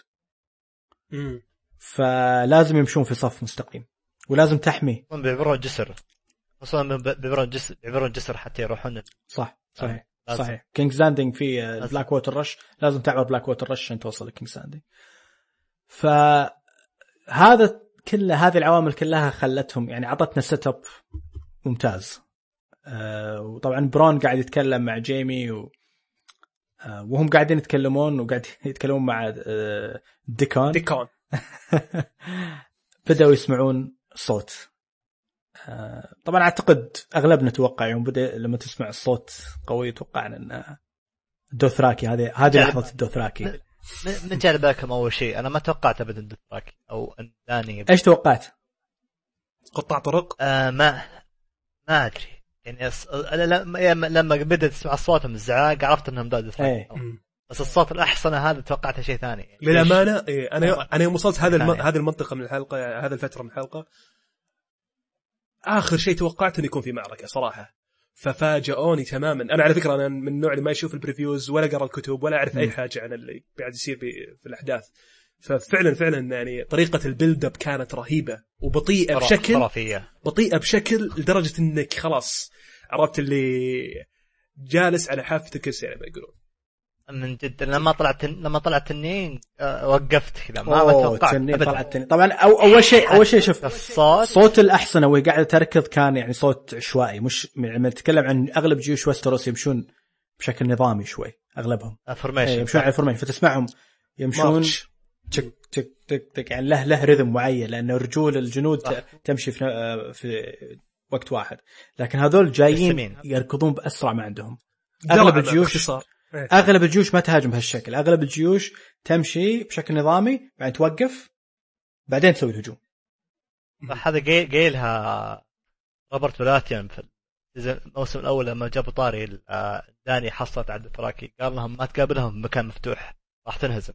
هذه طبعا كلمة كانت تنقال على المغول بعد. وأعتقد هنا يعني المقارنات المغول مع الدوثراكي أعتقد هنا بتكون قوية, قوية مرة. لأن أول شيء آه، جورج آر آر مارتن نفسه اللي هو كاتب آه، الكتب سونج اوف ايس اند فاير يقول إنهم مزيج بين المغول والهنود الحمر. آه، وأعتقد أقرب للمغول هم بكثير. آه، لأن صحيح خصوصا اعتمادهم من قوس السهم يعني. اعتمادهم على قوس السهم وبراعتهم في ركوب. الخيل. وطريقة قتالهم في موضوع إنهم يرو يعني يعتمدون على السرعة. والمحاصره اي و... وإنهم يعني يهاجمون الخصم بشراسة وبأعداد كبيرة يروحون له بدون خوف. وبعدين بس ترى أيضا شغلة ثانية بس على المغول بعد. المغول آه، كانوا ما يدرعمون كثر ما أنهم أيضا يحاولون يسحبون الجيوش عرفت؟ علي؟ هم هم إيش يسوون؟ يسوون اجتياح أوكي. بعد الاجتياح لو لو ما نجح يص- يصيرون يلعبون على الانسحاب والهجوم. ينسحب ويهاجم ينسحب ويهاجم ينسحب ويهاجم. يقعد يسحب فيه. فعشان يخليه stretch شوية بعد. يعني ما لما لما الجيش ينظم نفسه يجي الجيش المغول آه، آه، ينسحب. وهذا على فكرة طبعا كله تعليم دان كارلن. بالضبط. هذا اللي كنت بقوله. بقوله للشباب الآن. دان كارلن Hardcore History يا شباب. هذا من أفضل ال podcastات طيب؟ صحيح. شيء خرافي. طيب آه يتكلم يعني في حلقة يمكن ست حلقات أو ست أجزاء عن المغول بس. عن المغول فعلا. يعني إذا بتسمع شيء اسمع حلقات دان كارلن عن المغول Hardcore History بالضبط. اسمها The Wrath of the Khans آه، خمس أنا- إيه.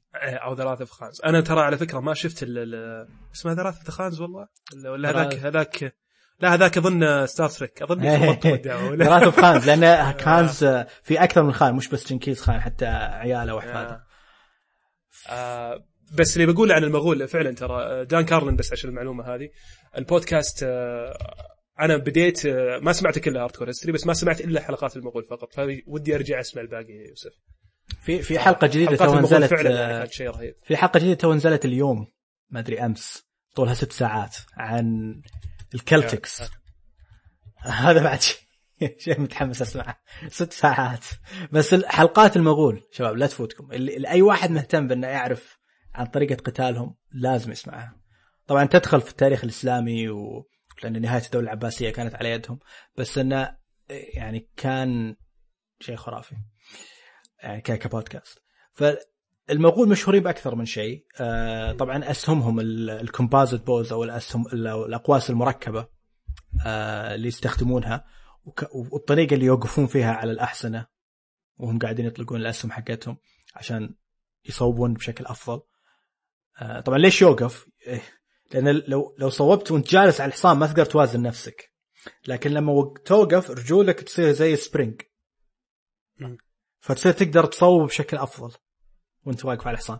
فتشوف لو تركزون في المشهد تلاقون بعضهم يوقف على ال- الحصان. وطريقة طبعا تصوير المشهد جابوا ناس متخصصين في هالشيء واستخدموا سرج خاص عشان يسمح لهم يقدرون يوقفون على الاحصنه آه ونتكلم عن موضوع التصوير أكثر بس دخلت ال dragons طبعا دروغون تحديدا. ما أظن شفنا غير دروغون صح؟ بس دروغون كان. اي بس الوحيد يطلع. دروغون وداني على ظهره. ما كان في آه، الثانيين ما طلعوا صح؟ مم. صح ما طلع okay. ما أدري وينهم. هل هل قعدوا دراجون ستون ولا جو معها ولا بس ارسلتهم مكان ثاني؟ بس إيش ذا بس التفجير آه، بس نتذكر في الموسم اللي راح لما استخدمت استخدمتهم بال Slaver's Bay كلهم كلهم آه، هاجموا السفن صح؟ مو بواحد. آه كلهم أيوه ب- بس يعني فرق كبير يعني. هالمرة أعتقد دروغون يمكن حتى صار أكبر من قبل. قيمه انتاجيه أعلى بكثير من حيث التصميم وال CG طريقة العرض وهم يمكنهم يبون. يورونا إن ترى تراهم season عن season قاعدين يكبرون قاعدين يقومون. اظن علقوا علقوا حجم dragon بال... بالفيديو اللي حطوه آه، كان making of على المشهد هذا علق انه بحجم طيارة 747 إذا ما اي أخ- 747 أنا غلطان. إيه. واو. فتتكلم أنت يعني هم حتى قالوا في ال- في برضه في ال making of قالوا تخيل إن الجيش في في في الع- في العصور الوسطى يصير عنده طيارة F 16 بالضبط؟ يعني هذا هذا أثر وجود دراجون في حرب زي كذا. وش هالتصوير إيش هالمشاهد الناس اللي قاعد تحترق التفجير اللي قاعد يصير. طبعا داني مركزه على إنها تحرق المؤونات كلها الأكل. صح. بس ما راح تستفيد منها هي بعدين إذا فازت بالمعركة. أكيد إنها بقت جزء. بس انه يعني يمكن في الحلقة الجاية بنشوف لكن أكيد إنه في شيء بقى. بي- بياخذون بيستفيدون منه. لكن في نقطه أيوه. في نقطة ثانية يوسف بتذكرني فيها. آه معركة آه ايجون ترجيريان اللي Field of Fire ضد الريش هذه في نفس المكان هذا ولا مكان ثاني؟ مكان مشابه له يعني أعتقد احتمال يكون نفسه اللي هو معركة ال Field of Fire آه اللي أول الثلاث أول مرة ثلاث dragons حقين تارجيريانز يتجمعون في معركة واحدة آه yes أعتقد إن آه، إذا ما كان نفس المكان فهو مكان مشابه هل هل اللي خلت التايرلز يمسكون الريتش بعد ما كانوا الملاك قبل ماتوا بالمعركة؟ آه، كان كانوا تارجيريانز ضد اللانسترز والتايرلز أعتقد. لا تايرلز كانوا كانوا تحت امرة ناس ناس العائلة. كانت ماسكة الريتش قبل التايرلز مم. لما ماتوا في ال... آه okay. لما ماتوا. إيه مسك خلص عليهم تايرلز خذ الريتش. فهذه يعني حتى اسم المعركة في المسلسل اسمه ممل شوي. آه المعركة اسمها attack on إيش؟ اتاك اون لوت ترين تحس اسم رابر صراحة. attack on loot train يعني آه، الهجوم على آه، القطار الغنايم. هذا اسم المعركة في في المسلسل. لكن Field of Fire فرق اسمه آه. عندك جورج وعندك كتاب المسلسل الفرق بين الاثنين. أحس إن ال- الاسم اللي سموه يعني اللي حطوه كذا code name هو اللي هو اللي سموه في المسلسل بعد. آه، بس ما سمعناه داخل بنشوف يعني إيش إيش. يمكن يتغير بعدين صح؟ ممكن, ممكن يعطونا اسم مختلف. زي- بلاك واتر أو راحت قبل. طيب آه، جزء كبير طبعا من آه، القتال كان يركز على وجهة نظر برون وجيمي وشوي ديكون ووجهة نظر داني. على فكرة التصوير من وجهة نظر داني كان آه، رهيب. استخدموا فيه spider camera. نفس اللي الكاميرات اللي يحطونها يعلقونها على حبل على كيبل في الملاعب ملعب الكورة عشان تمشي بسرعة. كان يمشي بسرعة آه، تقريبا 120 كيلو في الساعة عشان صح. يوريك وجهة نظر التنين وهو قاعد يهجم على الأرض. حتى استخدموا هليكوبتر أظن ولا حق صوب من أعلى من فوق لتحت؟ يعني تعبوا صراحة على على الأشياء هذه. موضوع التفجير. لما حطوا متفجرات عشان تتفجر ورا بعض في بخط مستقيم عشان بعدين لما يضيفون السي جي يجيبون الت- التنين قاعد ينفخ النار على ال- العربات بشكل مستقيم وقاعدة كل واحدة فيهم قاعدة تنفجر ورا الثانية واحدة ورا الثانية. آه كل هذه المت... النار أغلب النار وال- والمتفجرات أغلبها حقيقية مش CG. يمكن بس التنين والنار اللي تطلع من التنين نفسه هي. هي ال CG. اللي CG إيه. مم.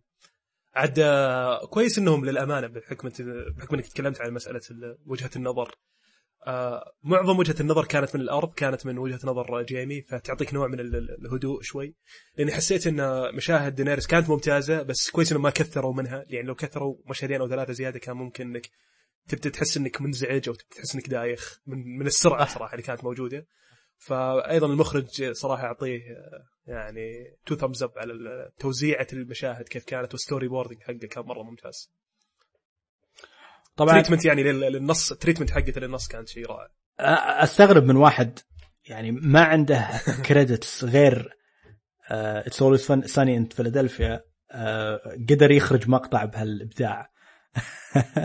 يعني حتى أترك الناحية التصوير ال- ال- ال cinematography وال effects حتى الطريقة اللي ركز فيها على شخصيات معينة جاب يعني وجهات نظر معينة ج- آه، ركب بعض المشاهد على بعض طريقه ثانية. إبداع غير طبيعي. على فكرة واحدة من المشاهد آه، الرهيبة كانت في البداية أول ما التنين حرق آه، مجموعة طبعا كانوا الجنود أول ما أول ما هاجموا الدوثراكي قبل ما يجي التنين الجنود كذا وقفوا في صف آه، آه، راندول وجيمي وبرون قاعدوا يرتبونهم وقفوا في صف ورفعوا آه، الدروع حقتهم. بعدين جاء التنين وحرق نسبة جزء منهم. بعدين جاك كذا النار وهي قاعدة تروح جاب لك ديكون واقف وقاعد يطالع في النار ووجهه يعني وهو متفاجئ منصدم منصدم ما هو مستوعب.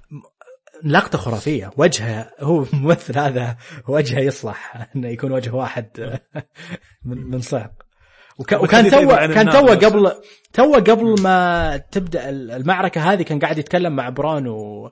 وجيمي على إنه متندم على ال... إن- لا إن هذه إن هذه اول أول معركة معركة هاي جاردن أول معركة كبيرة يشارك فيها و- وهو بدع فيها لكنه كان متحسف لأن التايرلز آه يعني مع التارليز آه علاقة قوية ويقول أنا كنت أتدرب وياهم وأطلع أصيد وياهم ف وبعدين يقول بعدين قال ما كنت أتوقع الريحة. ريحة الحرب بتكون زي كذا. فهو واضح الرجال لسه عنده PTSD لسه منصعق من ال- اللي صاير في المعركة اللي قبل. فلما يجي تنين يحرق الناس قدامه وهم أحياء.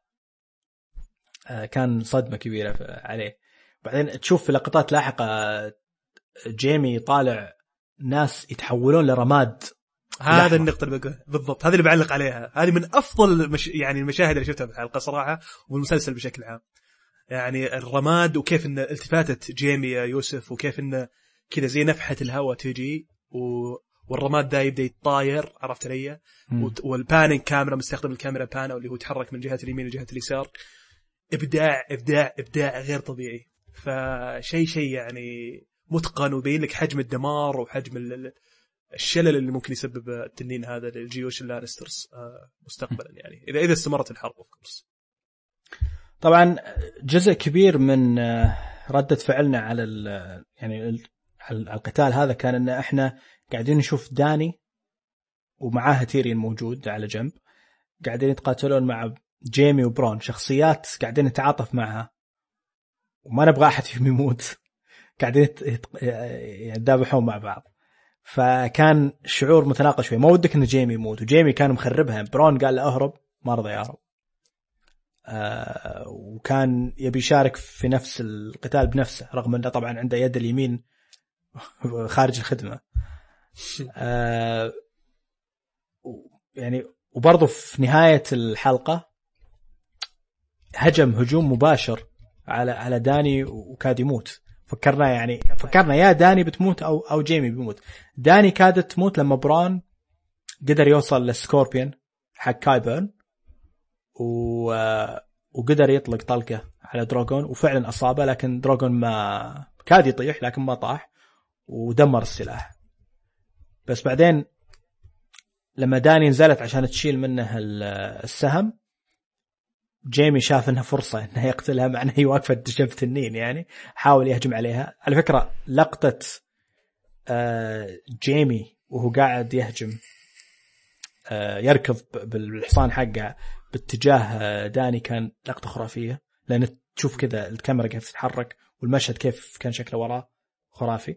بعدين انك كانك كأنك قفزت شيء يوسف ولا حركة ال- ال- برون كيف طيح التنين آه، برون يعني برون واضح إنه كان متدرب على إنه يستخدم scorpion. آه، لأنه كذا كان على طول عرف شلون يفك ال ال يركب الأسهم بسرعة ويحركها. يعني واضح إنه جربه. آه، ما جابوا لنا مشهد زي كذا. وما نعرف مين اللي كان أصلا مين المفروض كان مفترض إنه. إنه. آه، يستخدمه. واضح واضح إن اللي المفترض إنه يستخدمه إنه صح؟ إيه. لا لا إنه واضح إنه واحد أو إنه كتيبة. بس إنهم يبدون إنهم ماتوا عشان كذا ما حد ما حد مم. راح وقدر طيب، يعني تتوقعون أسلحة هذا موزع مع كل أنا أطراف الجيش حق سيرسي؟ أنا أعتقد إن؟ في ال Red Keep بيكون في كذا واحد زي كذا إيه. يعني خلاص ما دام التك- التقنية آه، صارت موجودة بيسوون كذا واحد ما راح يسوون بس واحد يعني صحيح إن دروجون دمر هذا لكن بيكون في زيادة والحين إيه،. والحين داني شافت إن التنانين حقتها مش invincible مع إنه في بداية القتال بداية المعركة حاولوا يطلقون عليه أسهم صغيرة آه، بقيادة. جيمي لكن ما صار شيء. لكن الأسهم الكبيرة هذه اللي تطلع من scorpion آه، بتأثر عليه. والله ف- قلبهم جامد يوسف ذول الرماة اللي جلسوا آه، قدام التنين واطلقوا عليه أسهم. يعني ال- الأس- فعلا فعلا ضربت عبد بطن. مأمور. الأسهم ضربت بطنة صح؟ ما ما جت. ضربت صدرة تقريبا. صدرة صدرة بس تقريبا صدرة تقدر تقول مصفح. يعني مصفح إلى حد كبير يعني فما أثر فيها ابدا. بس غير الوجه عرفت؟ دق سلف يمين هو هو يعني شكله بالحركة إنه كان يبي يحمي داني نفسه من إنه يتجهها أسهم. إيه. آه، فطبعا دينيريس كانت قاعدة تحاول تشيل السهم من دروغون بعد ما طاح. وجيمي لسبب ما شافها فرصة. تيرين قاعد يتفرج من بعيد. طبعا تيرين كان توه جاء واقف طبعا هو مع الدوثراكي والدوثراكي يقول له شعبك ما يعرف آه، يقاتل. قاتل قاعد يتهزأ شعبك. وفعلا آه. كان مندهل ترى على فكرة مع ان تيريون ما تكلم كثير في هذا المشهد لكن انطباعه والزومن على وجهه كان بين له قديش إنه منصعق ومنصدم و... وأعتقد خايف على متعاطف. أخوه. متعاطف بالضبط. متعاطف إلى حد كبير مع الجيش ومع أخوه تحديدا. أخوه أخوه و- أعتقد أكثر شيء. وخ- هو أكيد إن الجيش اللانسترز أكيد إنه يعرفهم يمكن قاتل وياهم من قبل.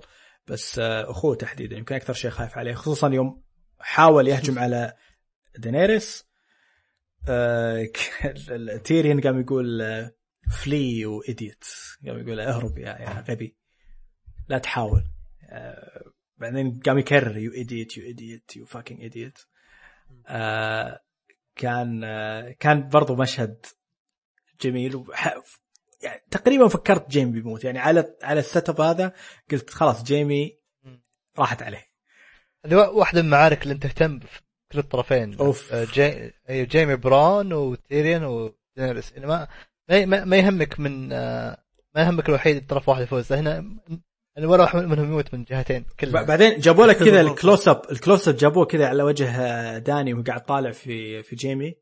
بعدين كذا مكانها جاء وجه ال dragon وال dragon كذا طلع على خر... خرجت لنا صراحة وتشوف الفرن اللي في فمه قاعد يحمي يحمي تنور تنور فعلا يعني اللي يجي طبعا برون في آخر لحظة إيه. آه ينط من حصانه على جيمي ويطي... ويطيحه في النهر هل هو برون؟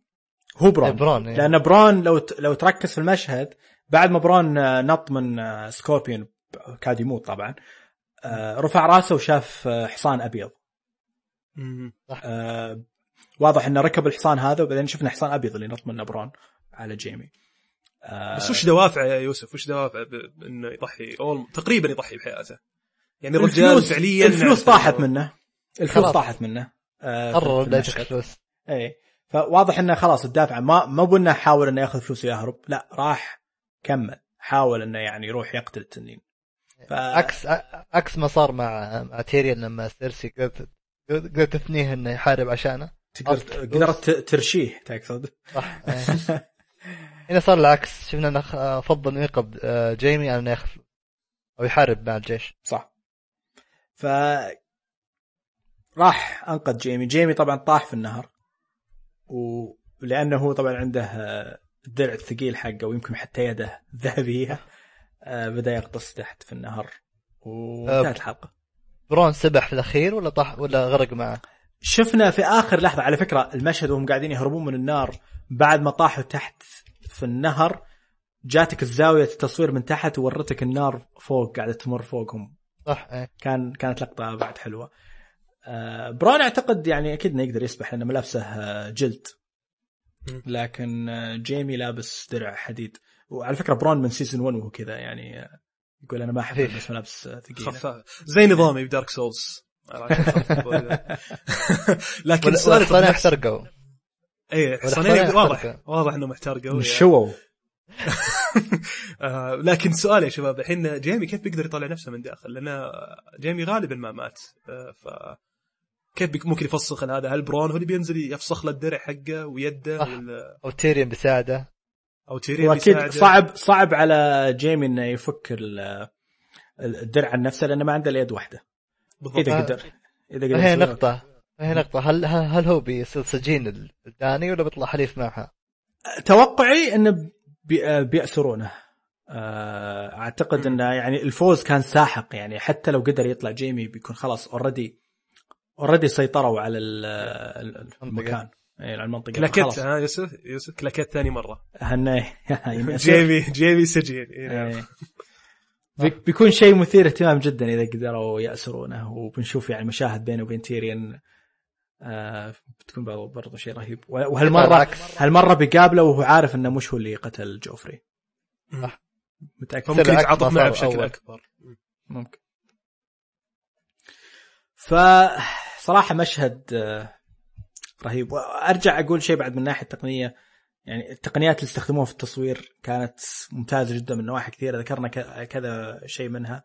آه، نفس حتى المنتجين يقولون آه، حق المسلسل في لقطة في في الفيديو اللي آه، يشرح لك المعركة نفسها تحديدا.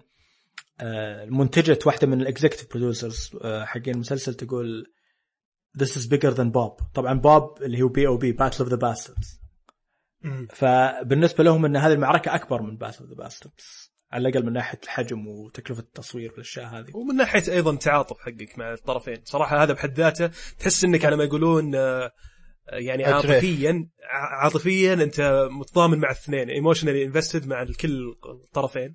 فتحس المعركة فعلا لها وقعها. أنا بالنسبة لي يمكن أفضل معركة شفتها في المسلسل. آه هارد هوم هارد يعني. هوم هارد هوم. مع مع هارد هوم تقريبا بس هارد هوم زي ما قلت لك ما عندك تعاطف مع الهارد مع ال White Walkers ف إي فتقدر تقول إنك وجهة نظرك واحدة. بس هنا أنت قاعد تشوف ما ودك جيمي يموت ودك م... آه، تشوف وش ال conclusion بيصير. فكل لقطة آه، كانت فعلا يعني آه، بحد ذاتها تجربة رهيبة. كان كان في لقطة كان في لقطة واحدة يعني عشان يورونك طبعا حجم وقوة ال dragons حرقوا فيها 20 شخص في نفس الوقت آه، طبعا هم كثير مسلسلات وأفلام عشان لما يوريك آه، نار يجيبون ناس يحرقونهم فعلا يلبسونهم زي الملابس ضد ضد النار ويشبونهم. وطبعا يحرقونهم فترة قصيرة يعني 10 ثواني أو شيء عشان كذا تشوف أغلب اللقطات هذه تكون سلو موشن مم. عشان 10 ثواني بعدين يطفي النار عنه هذه رقم قياسي أول مرة في لقطة واحدة 20 شخص يحترقون في نفس الوقت. آه، عاد لو تشوفون ال- الفيديو اللي تكلمنا عنه اللي هو ال- الفيلم الوثائقي القصير اللي عن المشهد المعركة هذه بيورونك المشهد آه، الحرق ال 20 شخص من بداية لنهايته. حتى يجيب لك واحد قاعد يعد واحد على مايكروفون قاعد يعد وبعدين أول ما يخلص العد يجون ناس آه، بالطفايات الحريق يطفون النار عن عن ال 20 شخص اللي قاعدين يحترقون. آه إنجاز كبير الحلقة هذه فعلا. يعني تتكلم أنت عن مسلسل تلفزيون يتصور بهالشكل. آه شيء سبيشل صراحة.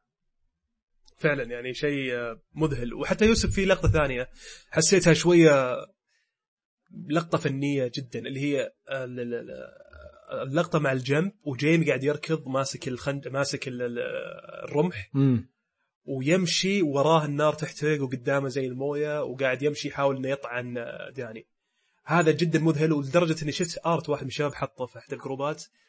آه، شيء خرافي. آه، يجيبون المشهد هذا السلويت حقه وهو يركض. لكن السؤال يطرح نفسه يوسف. آه، ممكن يعني شوية فلسفي السؤال بس ما أدري. هل تعتقد إنه جيمي آه، بطل ولا جبان؟ لو قتل لو قتل داني. وجهة نظرك يعني. لأنه جبان أنا أقول لك لأنه بيصير اغتالها من ظهرها زي ما اغتال أبوها. ولكن بنفس الوقت ممكن يكون بطل لأنه هو قتل داني ممكن تنهي الحرب هذه كلها و... لا هو شوف هو, أمر هو. هم يشوفون أن آه، قتلته لل Mad King كانت خيانة لدوره ك Kingsguard وال Kingsguard المفروض أنه يقسم على أنه يحمي الملك مهما صار. فلما قتل الملك بأنه يطعنه في ظهره مهما كانت مبرراته وعنده مبررات سليمة تماما عشان يقتل مات كينج آه، الناس شافوه أنه خان القسم حقه. لكن لما تقول إنه يروح يقتل داني في لحظة انه آه، التنين حقها كان متعور وتبي تساعده أعتقد آه، هذه مقبولة أكثر بكثير. يعني شيء في وسط المعركة قاعد يصير. لما لما واحد آه، يطيح من حصانه في, وقت المعركة ممكن يعني ما في شيء يمنعك من إنك تحاربه. يعني تحاول تقتل خصوصا لما تتكلم أنت عن يكون قائد الجيش قائد الجيش اللي ضدك. ما إذا بينهم ماتت إذا ما ماتت بينهم داني علاقة. بتنتهي الحرب تماما صح؟ ما بينهم علاقة ما بينهم علاقة ما بين جيمي وداني ما في علاقة إي ما. يعرفها أصلا إي بالضبط إيه. أول مرة قابلها وعلى فكرة طريقة تصوير المشهد انها هي ساكتة وهي قاعدة تطالع فيه كذا نظرة غريبة وطر- وطريقة الزوم عليها تحس انك كذا كأنك قاعد تطالع يعني أنت قاعد تطالع من وجهة نظر جيمي كأنك قاعد تشوف كذا واحدة غريبة واحدة أجنبية ما تعرف مين هي مجهولة يعني مع إن إحنا نعرف داني لكن طريقة التصوير خلتني أحس ان دانيريس وهي واقفة قاعدة تطالع في الكاميرا آه شخص غريب. فكان كان شيء مثير للاهتمام. طريقة التصوير صراحة آه، آه، مرة ثانية لازم امدح المخرج يعني على على طريقة. طيب بالحديث بالحديث يوسف عن الرماح بالظهر. أيوه. آه ودي أذكر الجميع طبعا المستمعين بكيف جساس قتل كليب في حرب البسوس في زير سالم. مشهد ال production value والقيمة الإنتاجية حقته جدا كانت رائعة صراحة. صحيح صحيح. آه، قاعد أقول هذا الشيء طبعا آه، وأنا جاد تماما. فروح أشوف المشهد عليه. أتفق تماما معك. لا من جد أتفق معك تماما المشاهد. يعني رغم رغم الفرق في الميزانية لكن هو ال- الإبداع الفني يظل موجود. هو كان أول مسلسل أنا أنا ترى يوسف تراني قاعد أقول هالكلام وأنا ساركاستك بس عموما ما أدري أنا أنا ذكرياتي عن ذاك المشهد إنه كان شيء خرافي. ما ما اتذكر ما شفته مرة آه، ثانية. ما تد... ما تتذكر الرمح. الرمح حق زير سالم إلى يومك منحفر في ذاكرتي. روحوا شوفوه يا شباب. واعطوني خبر عقبها. أوكي. آه طيب شباب شيء في أش كم شغلة ثانية بقت؟ آه طبعا دروغون مصاب آه في في آه كتفه تقريبا أو يعني يمكن فوق صدره بشوي. تتوقعون في أثر دائم للجرح هذا؟ هل ممكن يموت مثلا أو. إنه ما أظن. أظن. يمكن يصير آه، ما بيتعالج طول. فترة. اي بيتعالج ما فترة. ولسه باقي. اثنين dragons بس أنا أعتقد إن هذه كانت تحذير لداني إن ترى الجيش اللي ضدك مو بسيط والحين جاك واحد عور تنينك ممكن يجونك عشرة المرة الجاية اللي تقابلين جيش سيرسي. آه، فما يعني ما ما تعرف ممكن يصير. لازم تكون حذرة أكثر المرة الجاية. آه، إيش أثر طبعا ال- الذهب وصل؟ كينجز لاندنج معناته Iron Bank بيدعم سيرسي صح؟ فاعتقد تكلمنا طبعا عن Golden Company صح. Golden Company بي بيستبدلون أعتقد الحين جيش اللانسترز تدمر تقريبا أو اغلبها راح فيها آه يوسف ال Iron Bank بيكون مع بيكون بيدعم ال- الجهه اللي بتفوز بالحرب صح ولا فيمكن يغير ايرون رأيه. بانك ممكن يغير رأيه صحيح ممكن صح. إنه ي- يسحب على سيرسي سحبه شينه. آه بس يمكن برضو يكون عندهم ثقة في موضوع ال Golden Company إنهم يقدرون يسوون شيء هذا إن طلع في المسلسل من, من ما أتوقع أوكي. في آه، شيء ثاني شباب؟ آه، تبون تضيفونه بخصوص حلقة؟ لا ولا شيء. قاعد أشوف مشهد زير سالم مذهل يا مذهل. طيب. لا لا ترى مسلسل رائع بكل الأحوال عموما. كتابته كانت فعلا رائعة. كتابه والتمثيل. جدا جدا. يعني أتمنى الدراما السورية الله يرفع عن الجميع بس أتمنى في م- فترة من الفترات مستقبلا إن شاء الله يعني ترجع لمجدها آه شيء رائع صراحة. طيب آه طبعا نهاية الحلقة. في طبعا نتكلم عن favorite lines والمشاهد آه، المفضلة بالنسبة لكم. آه في شيء معين شباب آه، علق في راسكم المسلسل آه مشهد عيال أنا عندي مشهد. لما اجتمع لما اجتمع مرة ثانية. هذا أهم شيء. مم. بس ما في لاين معين في بالك أنا طبعا آه. كيوس زلادر. كاس زادر كيس زلادر شيء قديم بس أنا بالنسبة لي آه، أنا جاب لي قشعريره يا شيخ. جد؟ أنا اللي عجبني are about to swamp us. حق برون يوم يقول لل- لجيمي انحش انفذ بجلدك ترى كنت قائد الجيش ما تسوى قبل ما يجون ال dragons. بعد. أي بالضبط. ف ما يجي dragon آه، عجبني ت... يعني تعبير تحسه تعبير شوارعجي من الطراز الرفيع. شيء رهيب. تحسه من 2017 عرفت؟ ف... رهيب صراحة. في شيء ثاني؟ آه من الحلقة؟ مم، ما ما في شيء مع- معين بس ممكن يوم قالت أريا ستارك آه، لبريان I won't cut you بينت لي قديش إن شخصيتها تطورت مع الوقت وصارت آه، يعني على ما يقولون ما تخاف. شيء رهيب صراحة. okay. أي طيب. شغلة ثانية شغلة ثانية ممكن أقولها بس تسمعني. أيوه أيوه. آه في شيء رهيب. آه تعرف دافوس من أفضل الشخصيات عندي في المسلسل تماما. واضح إنه عانى مع زيجاته كثير. ف صار له نقاش مع شو اسمه هذيك؟ آه، اللي في بداية الم- آه، مساندي إيه فقال لها إنه أنا bastard اسمي جون سنو. أساس كذا اسمي جون سنو مو مو بستارك عرفت علي؟ قالت ليش؟ إحنا عندنا في آه، في الديرة حقتنا. مفهوم الزواج هذا مش موجود. عرفت علي؟ ما- يعني ما نتزوج بعض عرفت يعني؟ بشكل عام يعيشون مع بعض ويخلفون بدون زيجة. فرد عليها آه، دافوس قال that sounds liberating فيبدو لي الرجال الرجال راعي نسوان وما هو براعي زواج. إيه فحبيت المشهد ده صراحة. حبيت ال line هذا.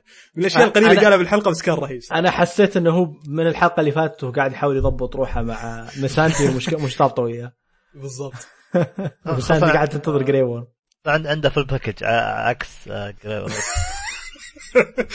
آه الله ابليسك يا موسى.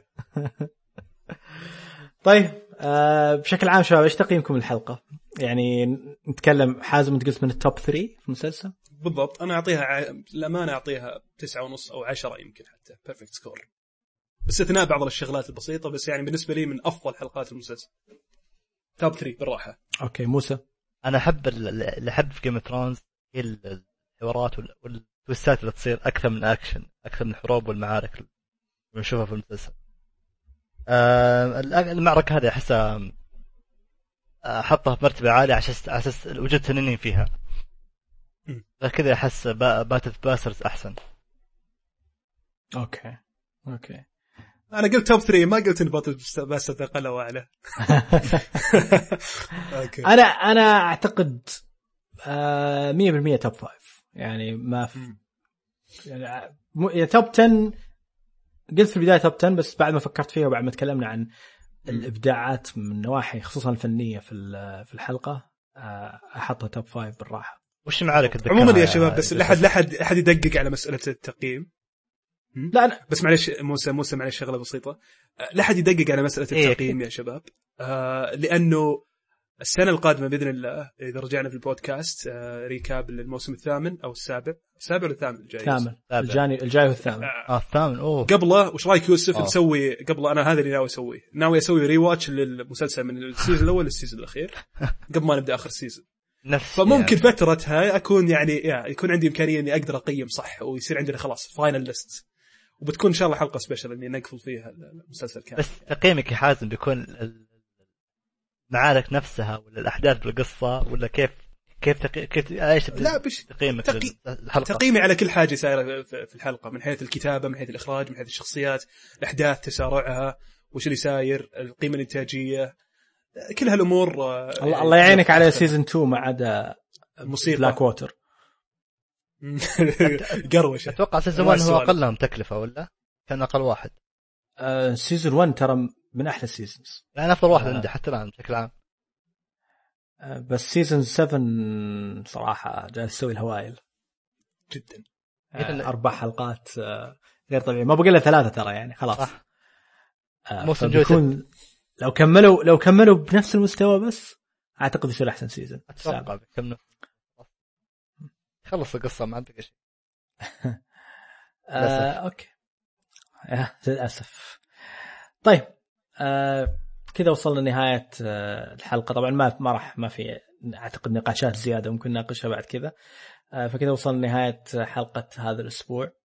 آه يعطيكم العافية شباب على الاستماع. شكرا شباب على وجودكم. حازم موسى. يعطيك العافيه شكرا. الله يعافيك. كم ساعة عندك موسى؟ الحين الساعة واحدة الظهر. واحدة الظهر. مم. okay. لا زين يعني. قلت اي ممتاز. خصوصا قاعد أشوف حلقة على mute على فكرة. أنا قاعد أسجل معكم. لا لهالدرجه والله فكرة جيدة صراحة بفكر اسويها. تشغل حلقة وتتحرك على المشاهد اللي لا. وتشغل الترجمة. مخليها play ومن أول من أول أول مشهد اخر مشهد أنا ما- وأنا معكم ما امشي okay ممتاز. والله فع- فعلا فكرة بنت كلب يا يوسف يبغى نسويها يبين. آه، فطبعا شباب بإمكانكم تتابعونا على تويتر. آه، طبعا بنحط روابط تويتر لكل واحد فينا على حدة وتابعوا ال- ال- البودكاست Recap Cast وتابعونا طبعا على ال RSS أو على برنامج مفضل لكم البودكاست. آه، بنحط لكم رابط iTunes لو تبون تتركون لنا آه، مراجعة. وإذا عجبكم البودكاست آه، انشروه تكلموا لأي واحد تعرفونه مهتم ب Game of Thrones وده يسمع أكثر يسمع تحليلاتي يناقش بإمكانه يسمع البودكاست. إذا ودكم إحنا متوفرين إذا عندكم وجهة نظر معينة تتفقون معنا في شيء آه، تختلفون معنا في شيء عندكم تصحيح بإمكانكم تراسلونا ممكن نتكلم عنها الحلقة الجاية لو لو في يعني خطا اخطأناه ولا شيء. و يعطيكم العافية واشوفكم إن شاء الله الأسبوع الجاي وسلام.